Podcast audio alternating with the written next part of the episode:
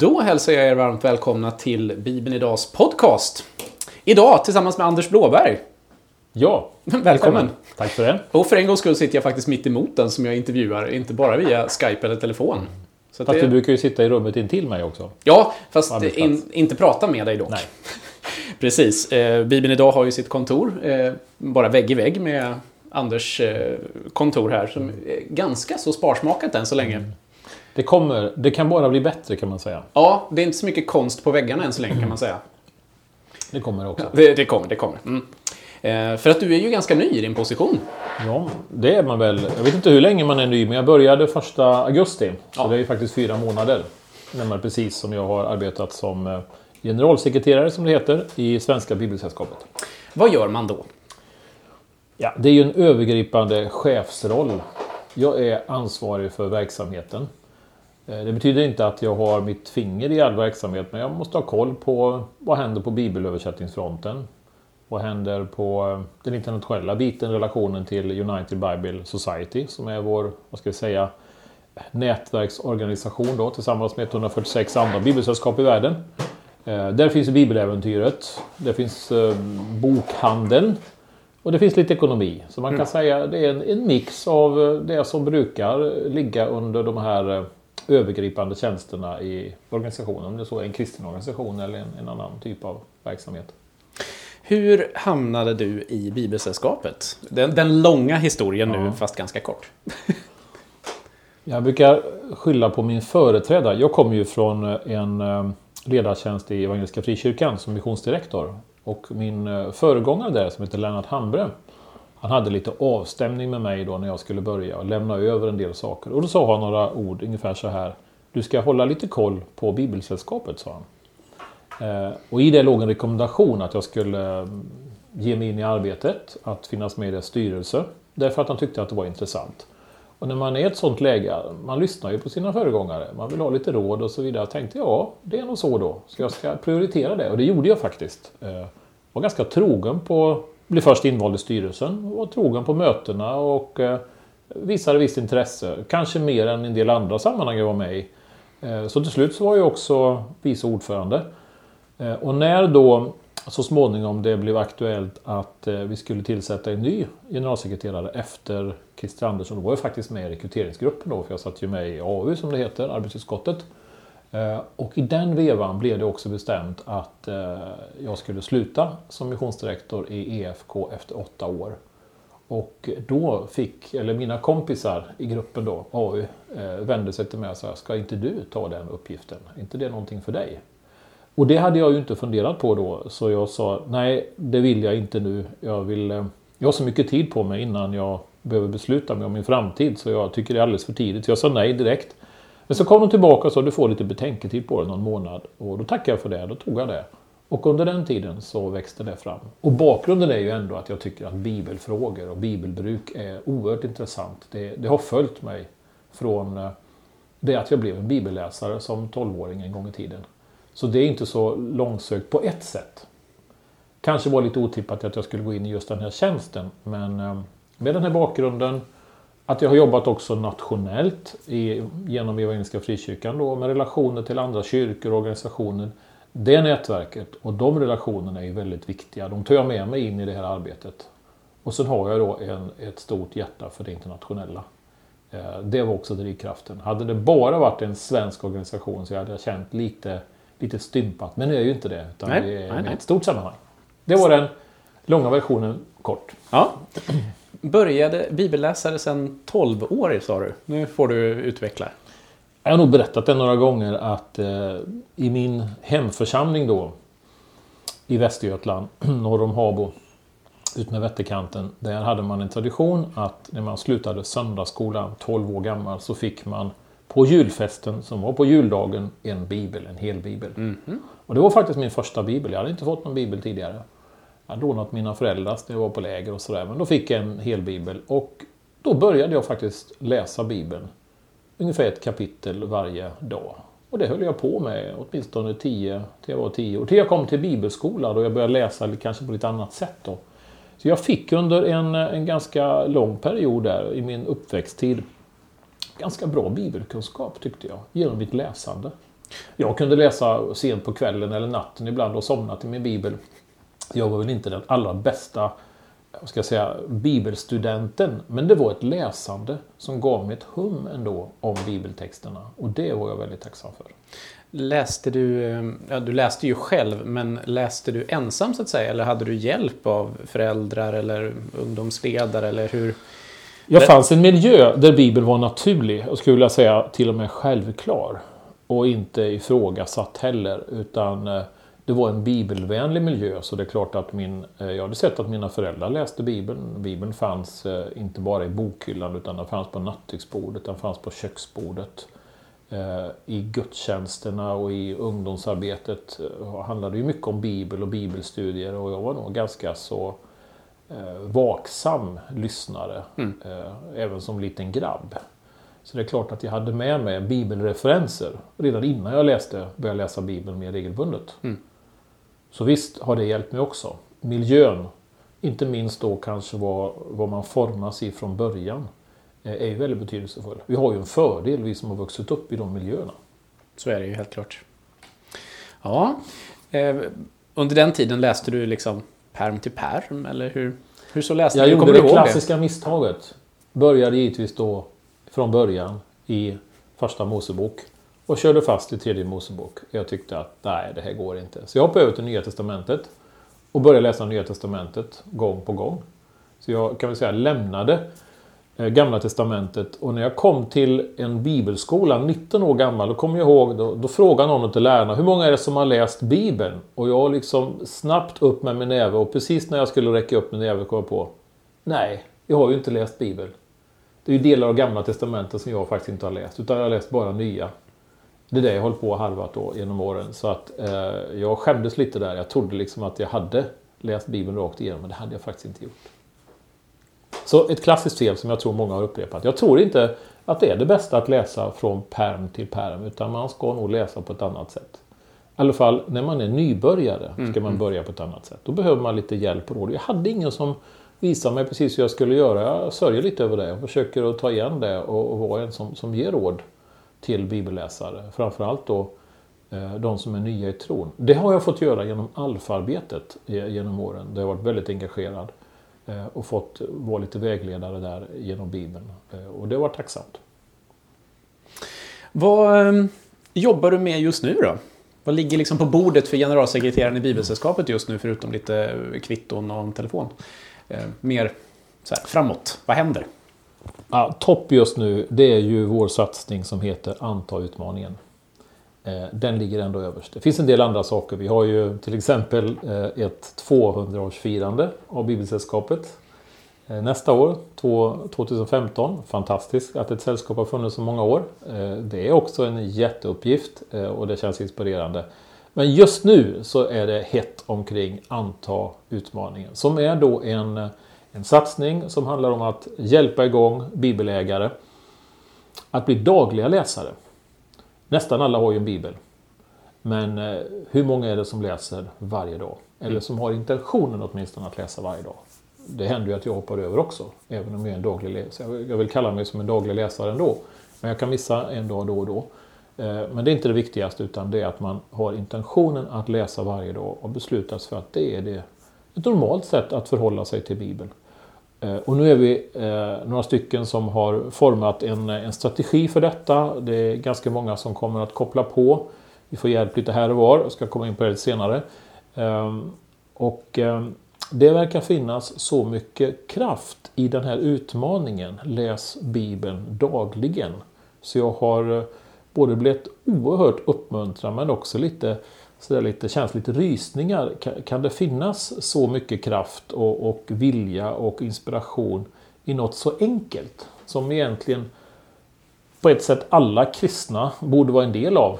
En daglig bibelrörelse. Mm, mm. Eh, men tydligen är det så, därför att vi delvis har tappat detta. Eh, man kanske inte ska klaga på att det är dålig bibelundervisning i skolan eller att i samhället i stort så är det bibelkunskapen på minus nästan. Hur ser det ut i kyrkorna? Alltså hur handskas vi då som på något sätt är bärare och har arvet och har boken och har budskapet? Hur har vi förvaltat detta? Det är en viktig fråga. Eh, och där finns det mycket att hämta just nu. Eh, som svar på vad som är överst. Mm. Eh, det är roligt för vi i Bibeln idag är ju också en del av det här arbetet. Ja. Och, Viktig partner. ja, det är viktigt att du säger det här i vår podcast. Så, ja. Eh, nej, det var inte det jag främst får efter, utan jag tänkte haka på lite det du säger där, att det är så roligt att se att och väldigt inspirerande att se att det är så många som tycker att det här är viktigt. Nästan vilken eh, liksom, falang av kyrkan vi slänger ut frågan i så mm. tycker man att ja, men det här, det här vill vi vara med på. Mm. Eh, och då kan vi ha väldigt olika åsikter om hur vi ska tolka eller hur vi ska använda, men att vi ska läsa mm. är vi väldigt överens om. Det som är, kan vi säga att det är lite tjusning med Bibelsällskapet just där att vi nästan alla kyrkor i Sverige är med i Bibelsällskapet. Eh, och vi kan vara ganska eniga om, om mycket som har med Bibel och bibelspridning och bibelanvändning. Alltså det finns frågor som skiljer oss men, men i Bibelsällskapet så, så tar vi vara på, på det som förenar. Och det är väldigt skönt att få jobba med det. Det ger lite svängrum.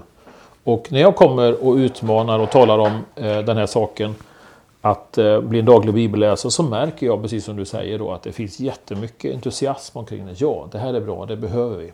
Mm. Eh, så jag tror att det kan bli brett om vi sköter det på bra sätt. Jag tror att det kommer bli en som ringar på vattnet. Eh, och att vi kan få se en, en bibelrörelse inför nästa år, 2015. I detta har vi också märkt att en hel del kyrkor och organisationer har satsat på nästa år som ett bibelår. Man kanske kallar det lite olika saker men man, man vill lyfta fram bibeln, bibelläsning, bibelanvändning. Och, och, då är det så att då, då liksom smörjer vi deras satsning. Det är inte så att vi konkurrerar utan detta samverkar så att det blir ännu kraftfullare. Eh, och det har gjort då att vi har fått lite mer råg i ryggen kan man säga, blivit ännu frimodigare och säga att det här är någonting som jag vill säga, detta har Gud fött fram i Sverige.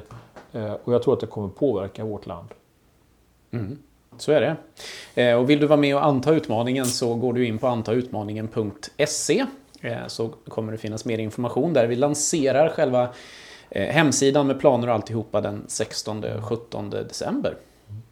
Det som är intressant också det är att se att eh, bibelläsningen, den personliga bibelläsningen då, tror jag kommit i skymundan därför att det krävs en slags vana och rutin i sitt liv då som eh, jag tror många kanske värjer sig mot och kanske tycker att det där hör inte ihop med friheten som kristen att få själv tolka och forma sitt liv. Vi behöver den gemensamma läsningen, men jag tror att den, den, dagliga personliga läsningen ger också utrymme och intresse för den gemensamma läsningen tillsammans med andra kristna, där man, där man eh, försöker tolka och följa och låta bibelordet vara liksom rättesnöret och vägvisaren i sitt eget liv. Då. Men det är så mycket som grundläggs på att jag faktiskt själv får tid att läsa. Mm. Eh, och det är det jag vill haka tag i. Jag tror att det är viktigt att, att, att liksom stryka under det. Och se att det går inte spikrakt. Även om jag är hur övertygad som helst dagen för nyårsdagen att från och med nästa år så ska jag varje dag läsa Bibeln. Så kommer du in i svackor då du inte alls känner lika inspirerad, då det inte är självklart att läsa Bibeln. Då du tycker det är trögt, det är ungefär som att plocka fram gamla tidningar som du har läst tidigare. Och det ger dig ingenting. Eh, och, och ändå skulle jag säga, är det just då som vi behöver de här uppmuntransorden, stödet, beslutsamheten. Att jag läser därför att det är faktiskt ett sätt att, liksom Maria gjorde en gång i tiden, sätta sig vid Jesu fötter och välja det och säga att det är det viktigaste och höra att Jesus bekräftar henne. Och säga att jo, du har valt den goda delen. Mm. Och den ska inte tas ifrån dig. Sådana bibelord eh, triggar mig oerhört. Eh, de har blivit så starka för mig det här året. Likaså det här ordet där Jesus säger att eh, människan lever inte bara av bröd utan utav allt som utgår från Guds mun. Alltså lika, lika viktigt som käket vi stoppar i oss, frukost, middag, kvällsmat, är också Guds ord, bibelordet då, som får beröra våra liv. Och då känner vi hunger ibland. Ja, det är kul att äta, det är gott och så vidare. Men inte alltid, men vi äter ändå. Vi tuggar i oss, vi vet att det är nyttigt. Och så är det lite med bibelläsningen också. Det är nyttigt. Men många gånger så är det också väldigt gott. Som väl är. Som väl är, precis. Nu är det ju så att vi också har bestämt oss för att lägga upp det här i lite olika nivåer. Vi kan nämna någonting om det, tänker jag, mm. lite kort. Eh... Åker du skidor, Olof? Ja, visst gör jag det. Med glädje. Utför eller Både och, men ganska mycket ja, utför. Jag ja. åker mest utför då. Och eh, är sådär bra. Jag, jag, jag lärde mig åka skidor när jag var 20 år. Jag skulle ha lärt mig när jag var 8 år eller något sånt där. Eh, Jag började ganska sent i livet i alla fall. Eh, Men hur som helst så, så tycker jag om att åka. Jag gillar ju farten. Jag kanske inte gillar puckelpist men det får gärna vara en, en svart backe som är någorlunda jämn och brant så att det går fort. Eh, Men alla gillar ju inte det. Min fru är ju helt emot både röda och svarta backar. Då. Hon, hon känner en skräck inför det och eh, tycker att de gröna och blå backarna är väldigt bra faktiskt. Då.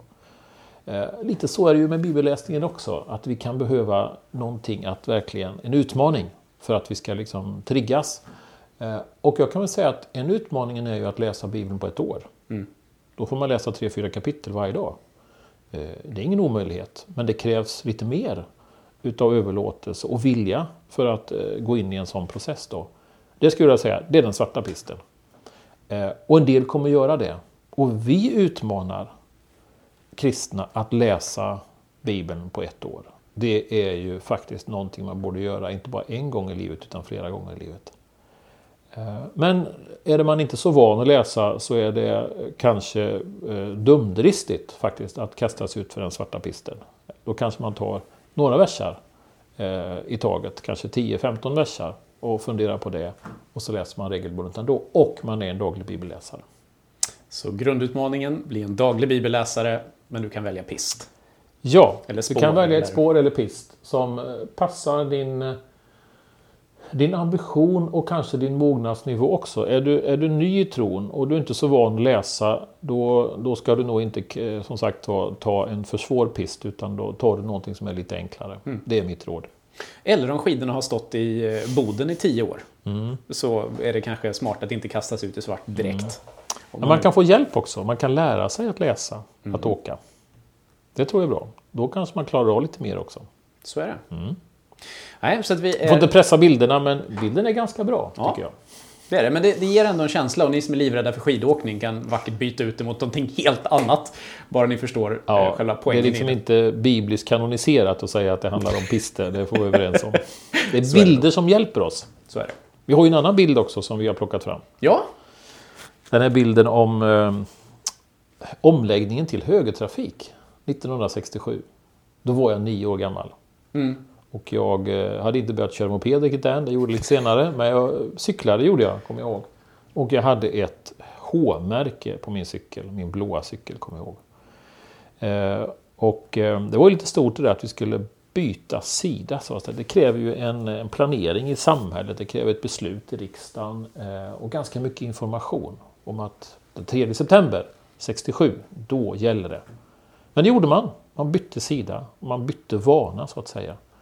Eh, Och det där har på något sätt kommit upp i den här processen också att eh, det går att byta vana. Det går att bryta med ett mönster som varit gängse tidigare och göra på ett annat sätt. Jag tror att vi behöver säga det till varandra.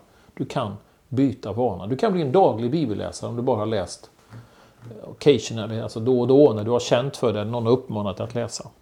Det går, men det krävs också ett beslut och det krävs stöttning och det krävs kanske lite information och hjälp.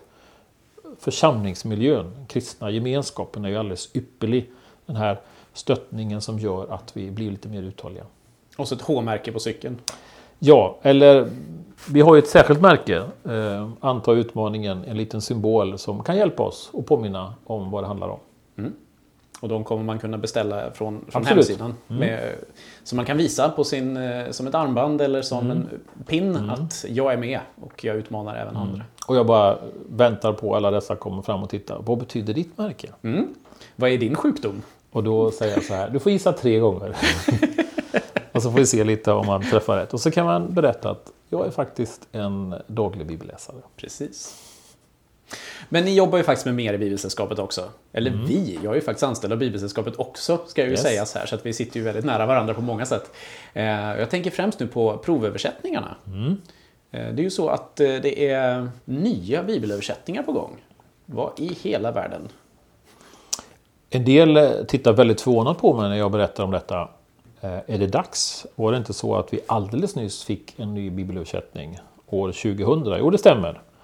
Eh, men tänker man att den processen med den nya bibelöversättningen som var då, den började 1972 med ett beslut om att nu ska vi översätta Nya Testamentet. Och det är alltså 42-43 år sedan Så det är ett tag sedan. Och språk förändras ju under en sån period. Eh, uttryckssätt blir gammalmodig helt enkelt. Eh, det kommer nya generationer som eh, läser och talar på delvis annat sätt. Även om vi då kanske kan vara väldigt vana och invanda vid en just bibelläsning. Så att det är inte konstigt att man väcker frågan. Är det dags eller när är det dags? Mm. Och genom att göra en provöversättning av två stycken böcker i, gamla, i Nya Testamentet så skickar vi upp en försöksballong här och, och ser så här, är, är det dags nu?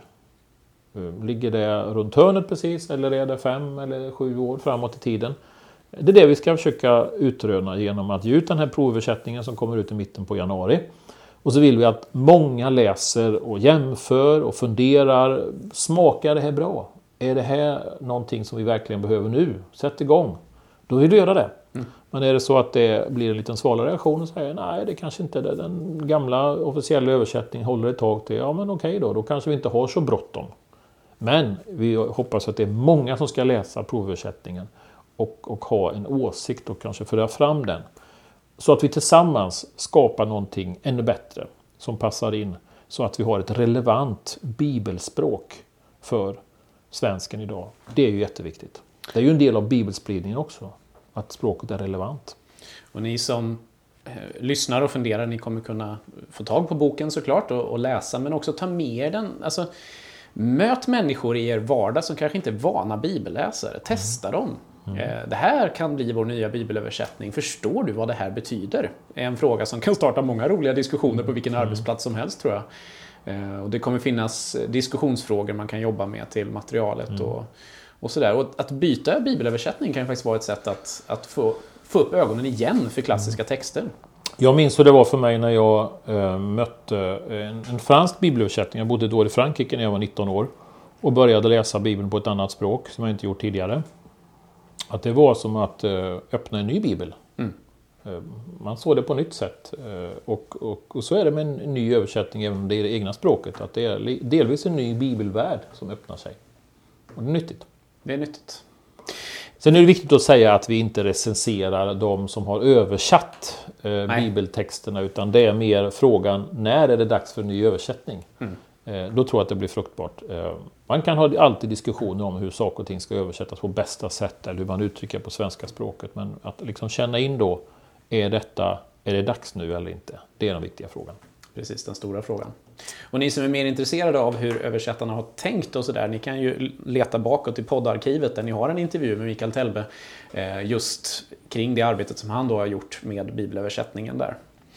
Nu är det så här, Anders, att eh, vi har eh, lite som tradition här i podden att vi skickar ut en, ber den som är före att ställa en fråga till den som kommer härnäst. Eh, och nu är det så att vi har haft två stycken före den här som, som eh, en som smet emellan. Så jag har två frågor till dig från eh, sådana som vi har intervjuat tidigare. Och först ut är det Helena Engqvist från Folk och Språk som vi pratade med här för några okay. veckor sedan.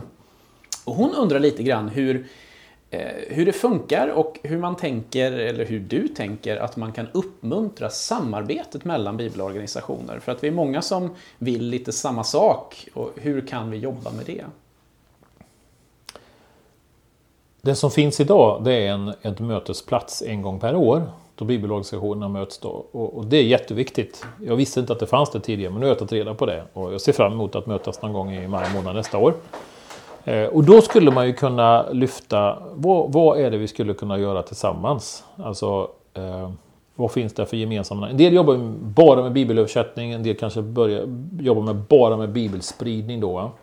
Eh, och man har sina olika uppgifter, men man kanske ändå kunde kroka arm lite mer och se att eh, i vissa lägen så handlar det om, ja men det är samma utmaning. Det är Guds ord till folket. Eh, att det ska vara tillgängligt, begripligt och det ska vara på det språket som jag själv talar, som är mitt första språk. Då. Där skulle vi nog kunna eh, slå våra påsar ihop och, och samarbeta mer. Då.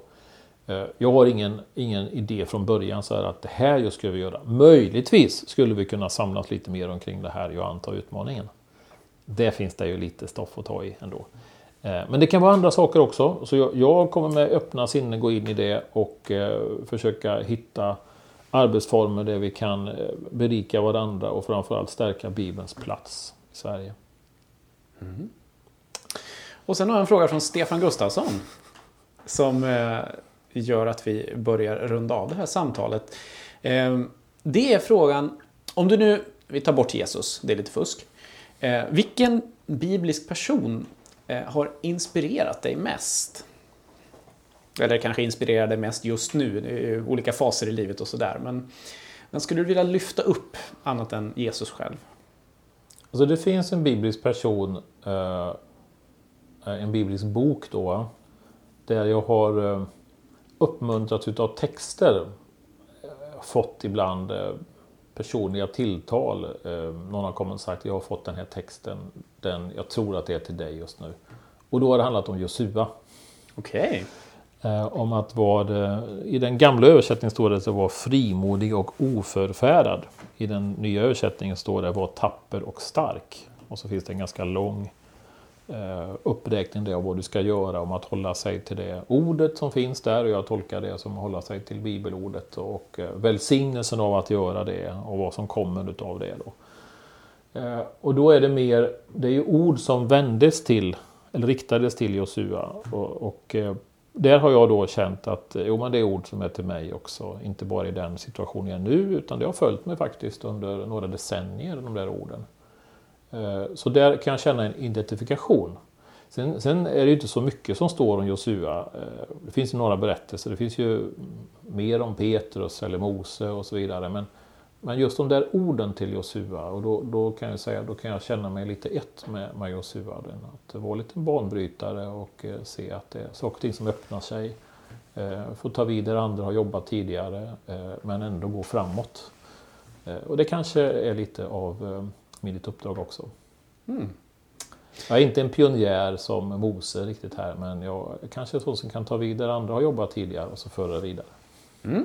Det var en bra liknelse på många sätt och kanske inte den som jag liksom förväntade mig att du skulle svara. Det var roligt när... Vad trodde du jag skulle säga då? Nej, jag, jag vet inte riktigt. Josua är ändå inte den som brukar lyftas som vanligaste. Kanske möjligtvis i ledarsammanhang. Ja, kanske. Jag kan ju nämna en till också då. Som jag Så jag blir mer nöjd. Nej, nej, men det är två gamla testament. Det andra är ju Nehemja då. Och det här är en Nehemja bok. eh, Som utifrån ledarskapssyn och eh, ledarskaps, eh, vad ska vi säga, undervisning tycker jag har oerhört mycket att säga. Men det handlar också om kanske mer om boken än personen. Man får inte reda på så jättemycket om personen utan det är mer hur han, vilket sammanhang han fanns och vad som hände runt omkring honom. Det finns ju andra personligheter som är mer ingående beskrivna i Bibeln. Då. Så är det ju, men det, det är ändå... Ja, det var frågan var till dig, så att eh, alla Det svar var är inte rätt. för att eh, blidka dig, nej. Absolut inte. Eh, men då ska jag tacka dig för att du tog dig tid. Eh, är det någon... Eh, ska vi se, vem kommer efter här? Det blir Linnea Åberg eh, som ska få berätta om eh, hennes guide till första Korintierbrevet som blir nästa person som ska intervjuas. Har du något du vill eh, skicka med i fråg... Absolut. Jag skulle vilja fråga henne då eh, hennes bästa tips för att bli en daglig bibelläsare. Bästa tipset för att bli en daglig bibelläsare? Och om hon antar utmaningen kanske? Det måste hon göra. Aj, aj, aj, aj, aj okej. Då så. Men då tackar jag för det, för samtalet och för tankarna vidare. Och eh, önskar fortsatt gott samarbete. Eh, Vi står ju nära varandra på många sätt här i arbetet. Absolut. Och alla ni som har lyssnat, tackar för att ni har varit med. Och som sagt, besök gärna antautmaningen.se och anta utmaningen också. Eh, Ni kan göra det där så är ni med och får hjälp. Eh, Och ni kan som sagt sätta på er en, eh, en pin eller en knapp eller ett armband eller någon annan sak. På något sätt visa att ni har antagit utmaningen för att på så sätt också utmana andra. Så tackar jag så mycket för denna gången. Ha det bra. Hej! Hej.